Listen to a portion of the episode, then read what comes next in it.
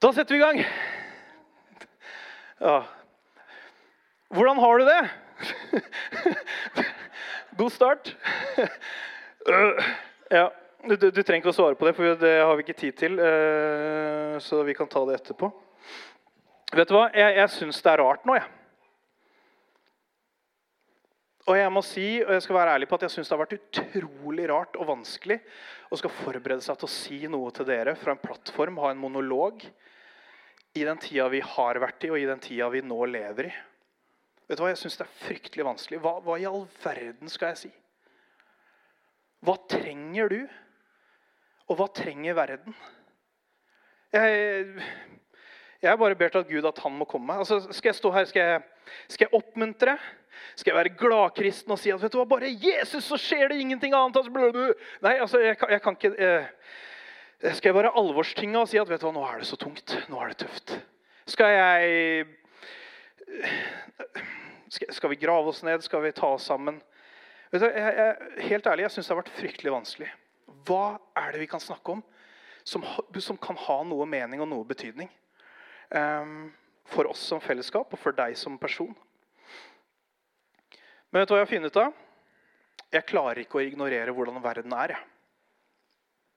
Ok? Jeg klarer ikke å ignorere det som er rundt oss.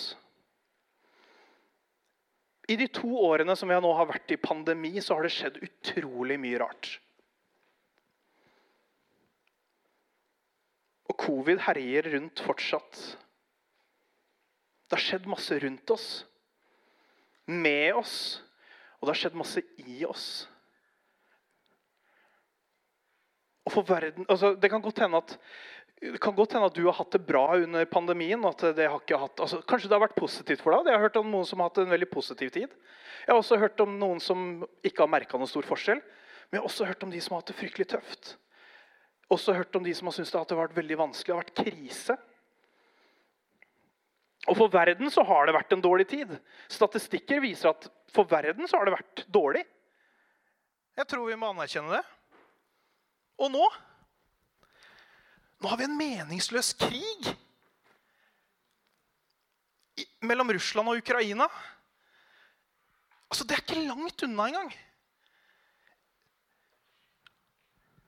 Altså, det er, det er, vi er i 2022. Og jeg tror virkelig, som, som Mikke sa også, at vi må be for Russland og Ukraina. Vi må be for lederne Vi må be for lederne i, i, i, i, eh, de landene og de som har disse samtalene, om at hjertet deres skal åpnes. Om at de skal få større visdom, større eh, syn på hva som faktisk skjer. At det skal være eh, en god atmosfære der de har samtaler om, om fred og videre utvikling. Altså, Det må vi virkelig be for. Og ikke bare ignorere det og leve våre egne liv, men vet du hva? vi må be om at Gud må ta hånd om de som sliter. Som ikke klarer å flykte, de som bor midt i krigen, midt i det verste. Be for at de skal få tak over hodet, be for at de skal få den maten som er nødvendig, eller holde seg varme. Kjære Gud, altså. Også for oss. Jeg tror at det er lurt å være litt smart. Og her kommer sånne tips fra meg til deg. Nå tror jeg det er lurt å være litt smart. Eh, med, med en så urolig verden og i så lang tid så har vi levd med uforutsigbare dager. Eh, så tror jeg det er så viktig å være smart og tenke på hva er det jeg har fokus på. Hva har jeg fokus på? Dette er sånn tips fra meg til deg. Hva er det du har fokus på? Hver morgen så våkner jeg. Det første jeg gjør, tar opp telefonen, ligger i senga, så begynner jeg å lese nyheter.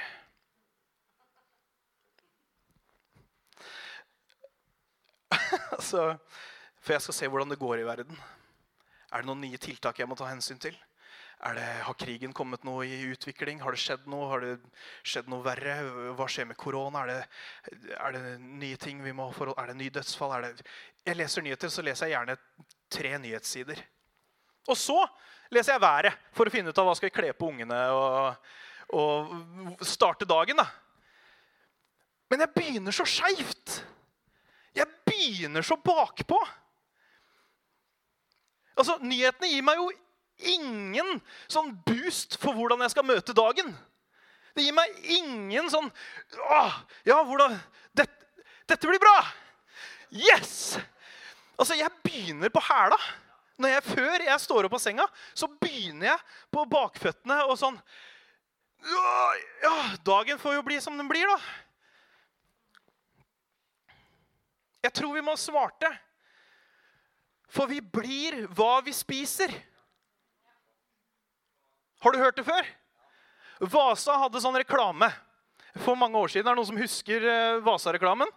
Sto en sånn eh, fyr på kjøkkenet og, og dreiv og holdt på med en sånn slappe biffstykker eh, i masse olje og smør og sånn. Og så eh, heiv han det i seg, og sånn, så sitter det en annen ved bordet og så spiser Vasa knekkebrød med, med frukt og grønt. Og du blir hva du spiser. Det var liksom greia. Men jeg, jeg, jeg, tror det er noe i det. da. Nå i to år så har vi blitt vant med å leve i frykt. Vi er vant til å leve i uforutsigbarhet. Vi er vant til å leve med nye tiltak. Vi er vant til å leve med avstand. Vi er vant til å leve med gule og grønne lys, avlysninger, nedstengninger, avvisninger. Og nå lever vi med en ny type frykt. Frykt for krig, frykt for radioaktiv stråling, frykt for hvem vi kan stole på rundt omkring i verden. Og alle skal ha jod. Jodtabletter. Alle skal ha det. Så nå lever jeg i en frykt om at vet du hva, jeg får ikke tak i jodtabletter. Alle skal jo ha det. Jeg har det ikke. Jeg får ikke tak i eller jeg får ikke kjøpt jodtabletter.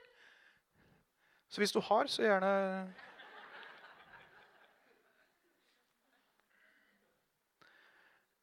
Nei, men hvis du skjønner hva jeg mener, altså, Det er hele tida en ny frykt. Hele tida noe nytt vi må forholde oss til. Og det påvirker oss. Og vi vet ikke hva som kommer til å skje. Og så er vi redde. Verden er redd. Men har det noe å si, da? Ja, det har det. Det har veldig mye å si. For det vi fyller oss med, det påvirker oss. Det, De inntrykka vi får, det påvirker oss. Det vi mates med, det påvirker deg. Det, det, på en måte, det hele verden snakker om, det påvirker deg. Nå skal jeg si en hemmelighet. da. Jeg skal prøve å si det så lavt at de på stream ikke får det med seg. Neida. Det negative og det som er fylt med frykt, det gjør oss ikke noe positivt. Det var sjokk. I sommer så, så, bestemte jeg meg for å slette alt av sosiale medier på telefonen min. Og det var rett og slett fordi at jeg begynte å bli bevisst på at jeg blir hva jeg spiser. Sosiale medier hadde en altså Jeg begynte å merke at det prega livet mitt på en dårlig måte. Det prega måten jeg så på tingene jeg hadde, og så på tingene jeg var. På en dårlig måte. Så jeg fant ut vet du hva? Dette her, jeg må ta grep. Jeg må være smart. Hva gjør jeg? Jeg sletter alt. Jeg vet at det kommer herfra. Jeg sletter det. Nå sier ikke jeg at alle her skal slette sosiale medier. For jeg tror ting påvirker oss veldig ulikt. Men i den verden vi nå lever i i dag, med det trykket som vi lever i i dag, se deg sjøl fra litt sånn tredjeperspektiv og så se er, det noe som Burde jeg ta noen grep? Burde jeg gjøre noe? Er det noe som påvirker meg dårlig, eller er jeg akkurat der jeg vil? Og jeg må slutte å lese nyheter om morgenen. Ja, jeg har nødt. Jeg, du, jeg blir gæren. Altså, Jeg er gæren fra før, men jeg blir enda mer gæren. Tok du tipset mitt? Ja. Jeg tror vi må være litt smarte, for vi, vi blir det vi spiser. Du blir påvirket av det som påvirker deg. Nå leser vi Markus' evangelium denne måneden. her. Og Markus han, han er utrolig kul. Eh, vet ikke, Er det noen som henger med i Markus evangeliet? Noen, jeg skal ikke ha handelsoppretning, men eh, Markus er veldig kul. Markus er det korteste evangeliet i Bibelen, på bare 16 kapitler. Eh, han dropper alt unødvendig pjatt. Han er, han er, det desidert korteste evangeliet, men han har med flest mirakler. Han har med flest eh, møter der mennesker møter Gud. Eller møter Jesus. Så han har med flest ting, men er kortest. Så han skal bare Litt sånn som Instagram og TikTok. og sånn. Du bare scroller gjennom, og så bare får du høydepunktene hele veien. Markus er sånn, så sjekk, sjekk det ut. Sjekk ut Markus. Jeg tror du vil like det. Så det går utrolig fort. Så han har, han har fokus på dette er Jesus. Dette gjør Jesus. Og sånn kan du følge Jesus. Det er liksom de tre hovedpunktene Markus har, har eh, fokus på. Og siden han er så rask, da, og at det ikke er så mye pjatt og Han har ikke med noen prekener Jesus har, og sånn, eh, så for at vi skal kanskje få det liksom til å gjelde i dag, så må vi lese litt kontekst, litt mellom linjene, kanskje. Eh, og jeg har tenkt til å gjøre det nå. Og så lurer du på hvordan i all verden skal du få det til med den eh, introen du hadde. Fordi at jeg tror også at det vi leser, er jo med på å gjøre de her inntrykkene som vi får inn i oss hver dag. ikke sant? Så jeg tror at Guds ord også inspirerer oss. Jeg tror Guds ord også kan, kan gjøre noe positivt med oss når vi leser det. Og Markus' evangelium det handler om hvem Jesus er, og den effekten han hadde på dem han møtte. Ikke hvem Markus møtte, men hvem Jesus møtte. Og vi har kommet til Markus eh, ca. til Markus 10. Og vet du hva? Disiplene er redde. Har du sett det? Og da tenkte jeg fy søren. Jeg er også litt redd. Men disiplene vandrer rundt der sammen med Jesus. De er redde. Hva i all verden, tenker du? Hva i all verden er de redde for? Markus 10, 32, hvis ikke du eh, tror på meg. De var nå på vei opp til Jerusalem, og Jesus gikk foran dem. Disiplene var oppskaket, og de som fulgte med, var redde. De som fulgte Jesus, var redde. Jesus hadde fortalt disiplene to ganger tidligere um, om at han skulle bli tatt til fange, han skulle bli slått, og han skulle dø. To ganger hadde han fortalt disiplene om det. Og nå, nå var de på vei til Jerusalem, der lederne holdt til. Og disiplene var redde. De visste ikke hva som kom til å skje. Det var en frykt og en uro på fy søren, hva er det som skjer nå? Hva skjer med oss? Kommer vi til å bli tatt? Hva skjer med Jesus, han som vi følger? Hva? Frykt er en reell ting. Men det er også fred. Ok? Frykt er en reell ting, men det er også fred. For søren. I kapittel 11, som er rett etter det her, så skal Jesus og disiplene gå inn til Jerusalem. Ikke bare opp mot, men inn til. Og disiplene, når de våkner opp den natta, før de skal inn til Jerusalem, så må de jo være Nei! Må, må vi? Dritt! De må jo være dritredde. De aner jo ikke hva som skal skje. Det eneste de har hørt, er at vet du hva, jeg skal bli tatt til fang, jeg skal bli slått og jeg skal dø. Og jeg skal stå opp igjen. De skjønte ikke hva det betydde. De var utrolig usikre og redde. Og så sier Jesus, 'Hent en eselfole'. Og Denne historien har du hørt veldig veldig ofte eh, på, på, i påska. Inntoget til Jerusalem. Jesus han sier, 'Hent en eselfole'. Har du sett et esel før? Noen som har sett et esel før? Sønnen min han var dritredd for esler. Vi var i Dyreparken, og så bærte han på, på armene. Og så gikk vi inn, eh, inn, i eh, Er det ikke Asia det heter der? Eh, og så Der er det sånn esel- og grise- og geiteområde inne. Så kommer vi inn der og liksom ser på grisen og geiten, og det er veldig kult, og så kommer vi til to esler. Og så gikk vi bort til dem og sa hei, se her, her er esler. Og, og, ja, kult. Og så plutselig så begynte de å ule. Har du hørt esel lage lyd før? Inni en sånn betongbygning. altså Det var jo den klangen! Han blei livredd. Altså Et esel er ikke et dritkult, majestetisk dyr. altså. Jeg vet ikke om du har sett, uh, sett uh, Esel King? Eller Donkey King? Nei, du har sett Tiger King. sant? Esel er jo ikke noe kult. Ser jo ikke bilder med sjeiker og sånt, noe som har esler inni på Instagram. og sånt. Noe. Det er ikke noe kult dyr. Men når Jesus skal inn i Jerusalem, så er det et esel han bruker. Og Israelsfolket hadde I mange år så hadde de bedt om og håpet på at det skulle komme en frelser. Det skulle komme en konge, en Messias.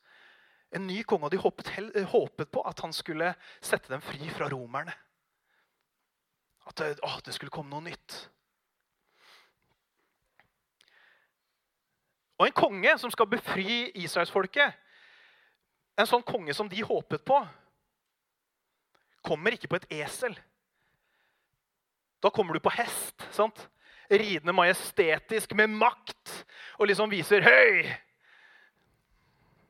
Men Jesus han kom på et esel. Agnar han preka her eh, for noen uh, uker siden så preka han om 'get used to different'. Husker du den? Han viste en film av, av Matteus hvor folk sier ja, 'Hvorfor tar du med Matteus?' da? 'Get used to different'. Jesus er litt sånn. Du, det er annerledes. Rolf Inge prata om Forrige søndag så han om et ord jeg også har snakka om tidligere. Metanoia eller metanoeo. Tenk annerledes. Guds rike er annerledes. Guds rike er annerledes. Og Jesus han kommer på et esel. Han kommer ikke med makt, triumferende for å krige. Jeg vet ikke om du vet om denne historien. Det er jo faktisk et, en profeti fra Zakaria 9,9. Kan vi få opp den? Bryt ut i jubel, datter Sion. Rop av glede, datter Jerusalem. Se, din konge kommer til deg, rettferdig og rik på seier.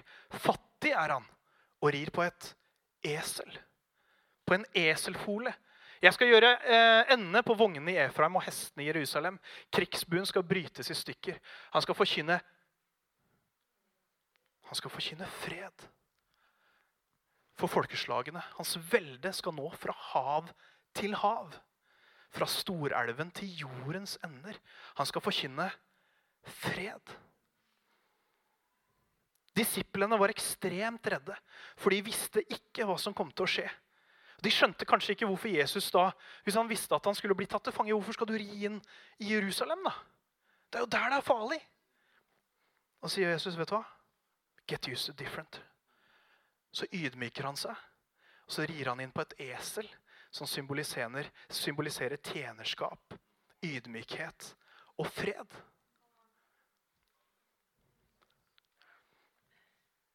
Men disiplene var redde. Og vi, eller mange av oss, er kanskje fortsatt også redde. Jeg vet ikke hva som kommer til å skje. Du vet ikke hva som kommer til å skje. Kanskje ikke du er direkte redd, men det er frykten som har vært i verden. da. Jeg tror den gjør noe med oss. Jeg tror den har gjort noe med oss. At den har hatt en eller annen påvirkning på oss. men og det er sånn, Kanskje ikke vi vet hva som møter oss i morgen. Man skal si Christer, det var jo en fryktelig dyster tale. da. Det var jo fryktelig dystert. Det er jo tungt, og verden er så slitsom. Og jeg kom til kirka for å liksom Praise the Lord! Og sånne ting. Eh, tenkte ikke å tenke på hva som skjer på utsida, utsida av veggene våre. Men jeg tror at vi må ha den troa som står fast og er liksom Vet du hva? Verden er sånn. Verden er sånn. Og greia er at vi kan be Gud komme med fred. Sånn som når han rir inn i Jerusalem med et forkynnende budskap om fred, så gjelder det for deg. For Jesus han kom for å forkynne fred. Ikke en fred som bare var der og da, men en fred som fortsatt gjelder. Og Det er derfor vi kan be om fred Eh, en verdensfred blant Russland og Ukraina. Det er derfor vi kan be om en personlig fred i sinn og i hjerter. Fordi at den freden Jesus kom for å forkynne, den gjelder fortsatt. Og så er det ikke sånn at Fred betyr at det ikke kommer til å være vanskeligheter. Kommer, nå kommer det ikke bare du ber av Gud komme med fred, og du får et møte med Jesus. Så er det ikke sånn at det ikke kommer uro eller vanskeligheter inn i livet ditt eller rundt omkring i verden. Det er ikke sånn, for verden er ikke sånn. Men vet du hva? Fred i oss skaper en overbevisning om at Gud er med. Gud bor i deg, og han holder en hånd over ditt liv. Så uroen eller frykten du har Når Gud kommer med fred, så har ikke den lenger makt over deg. Da er du fri. Ja, det kommer vanskeligheter, det kommer uro, det kommer frykt. Men du kan da stå med to, plant, to bein planta i bakken og si, 'Gud, nå skjer det igjen.' Og så har du en overbevisning og en tro på at ja, Guds løfter gjelder jo fortsatt. Guds fred lever jo i meg. Og jeg kan stå i disse vanskelighetene med troen på Gud. Frykten trenger ikke å ha den makten lenger. Den er ikke herre over tanker eller følelser. Fordi Gud kommer, og så bryter han det som binder deg fast. Er ikke det bra? Fred i oss det skaper en overbevisning om at Gud er med. Og det er som det er liksom det som Markus er så opptatt av når han skriver i evangeliet sitt. Det er liksom den effekten Jesus har på menneskene han møter.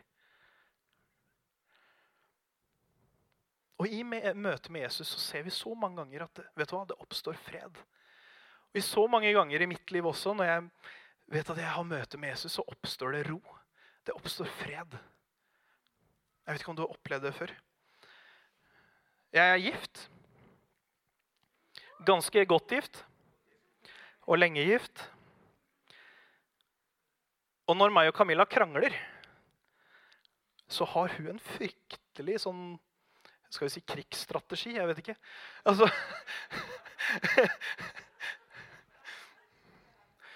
Altså, det er litt sånn dårlig gjort. sant? Du kjenner når du krangler, og så er du på Høydalen og så du, har, du føler du har noen gode argumenter. og ah, yes, nå går jeg opp, og så Vet du hva Camilla gjør?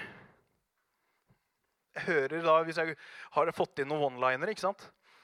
Så, så, går jeg opp trappa, og så begynner jeg å høre lovsang i stua.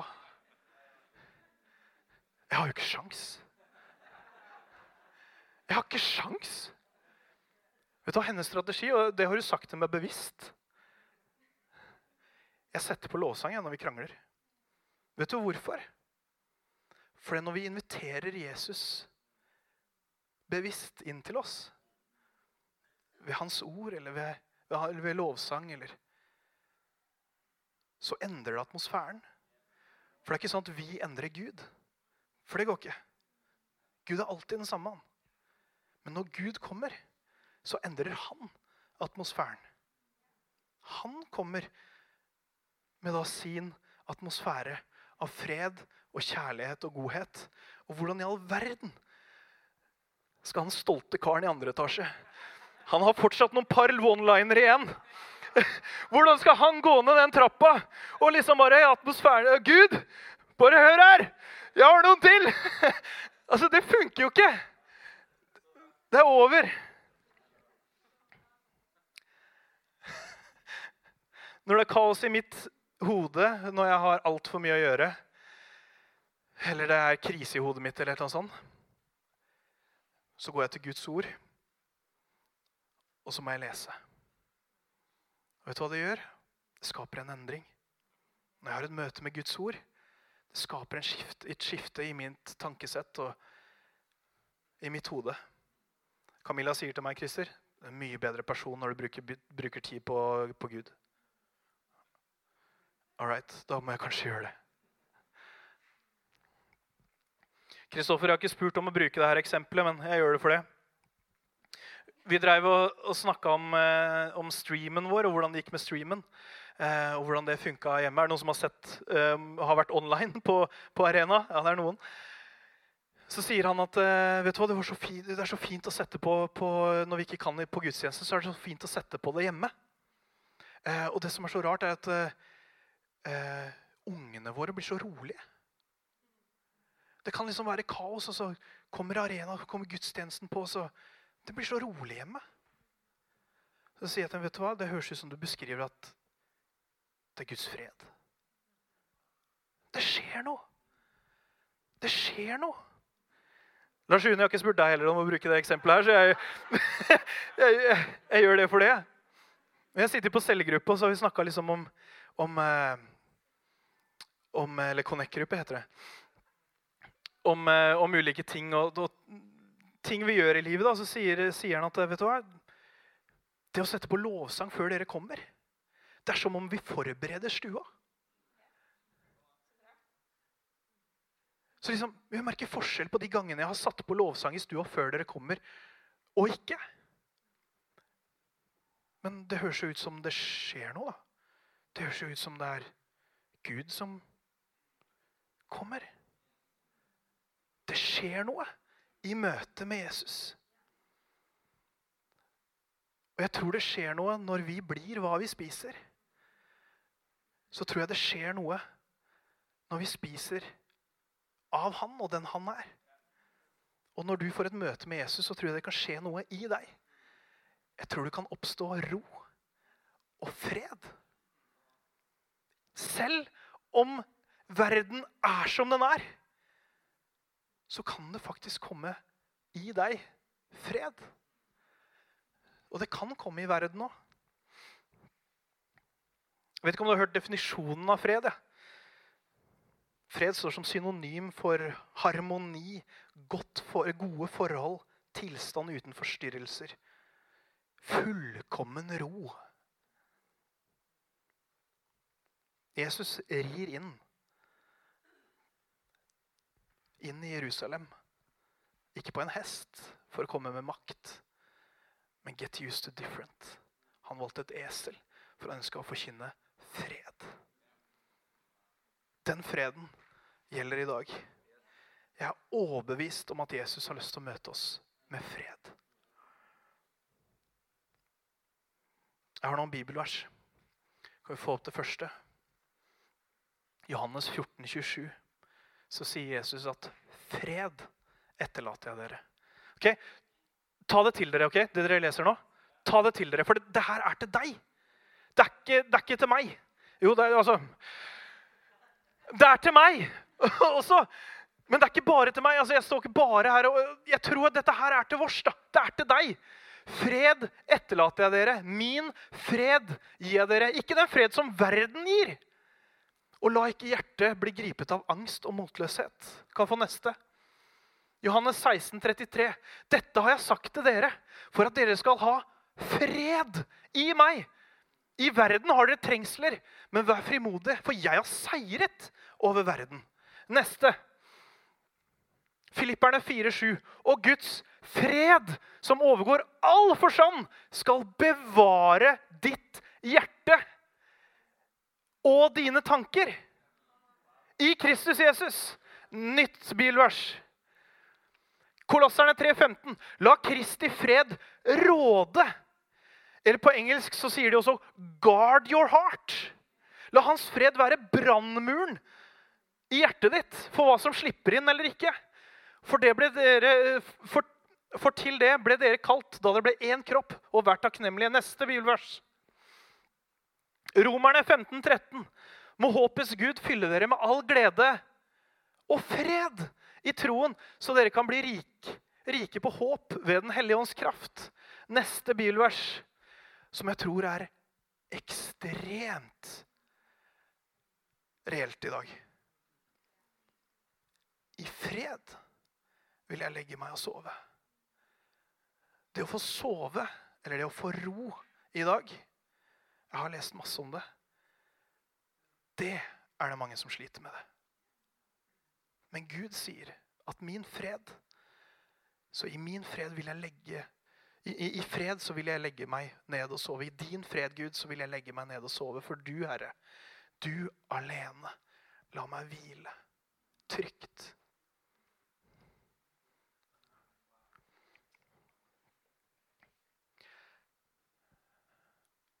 Kan vi reise oss?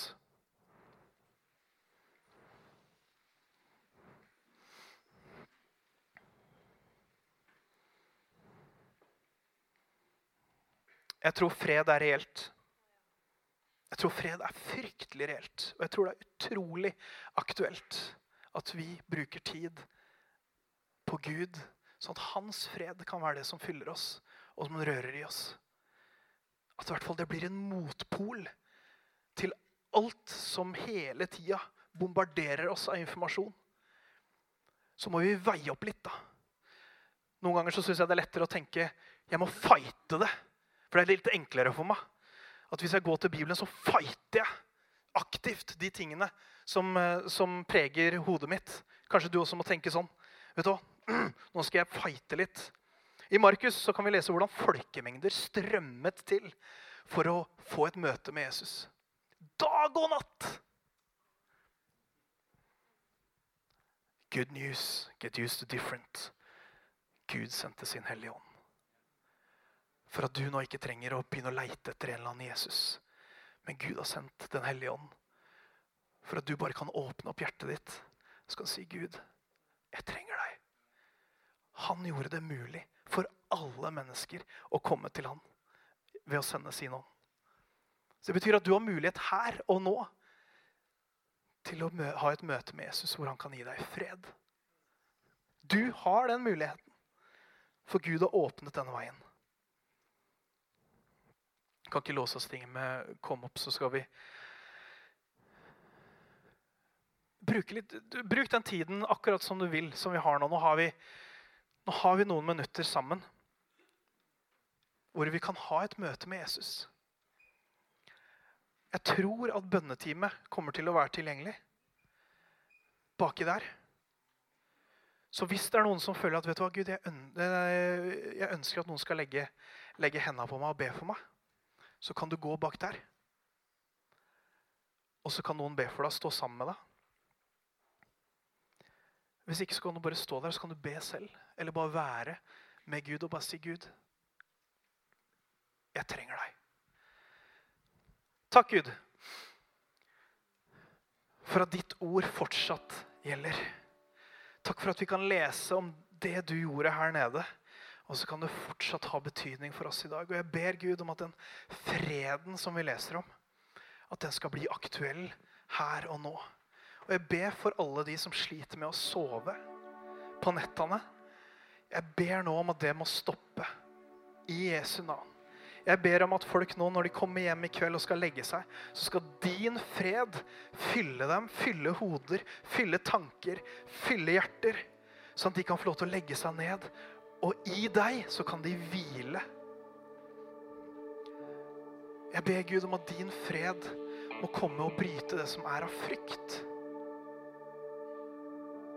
Eller bryte de tingene som, som den frykten som er i verden og har skapt i oss. Jeg bare ber om at du må komme og bryte det som holder oss tilbake eller holder oss igjen, eller som tynger oss.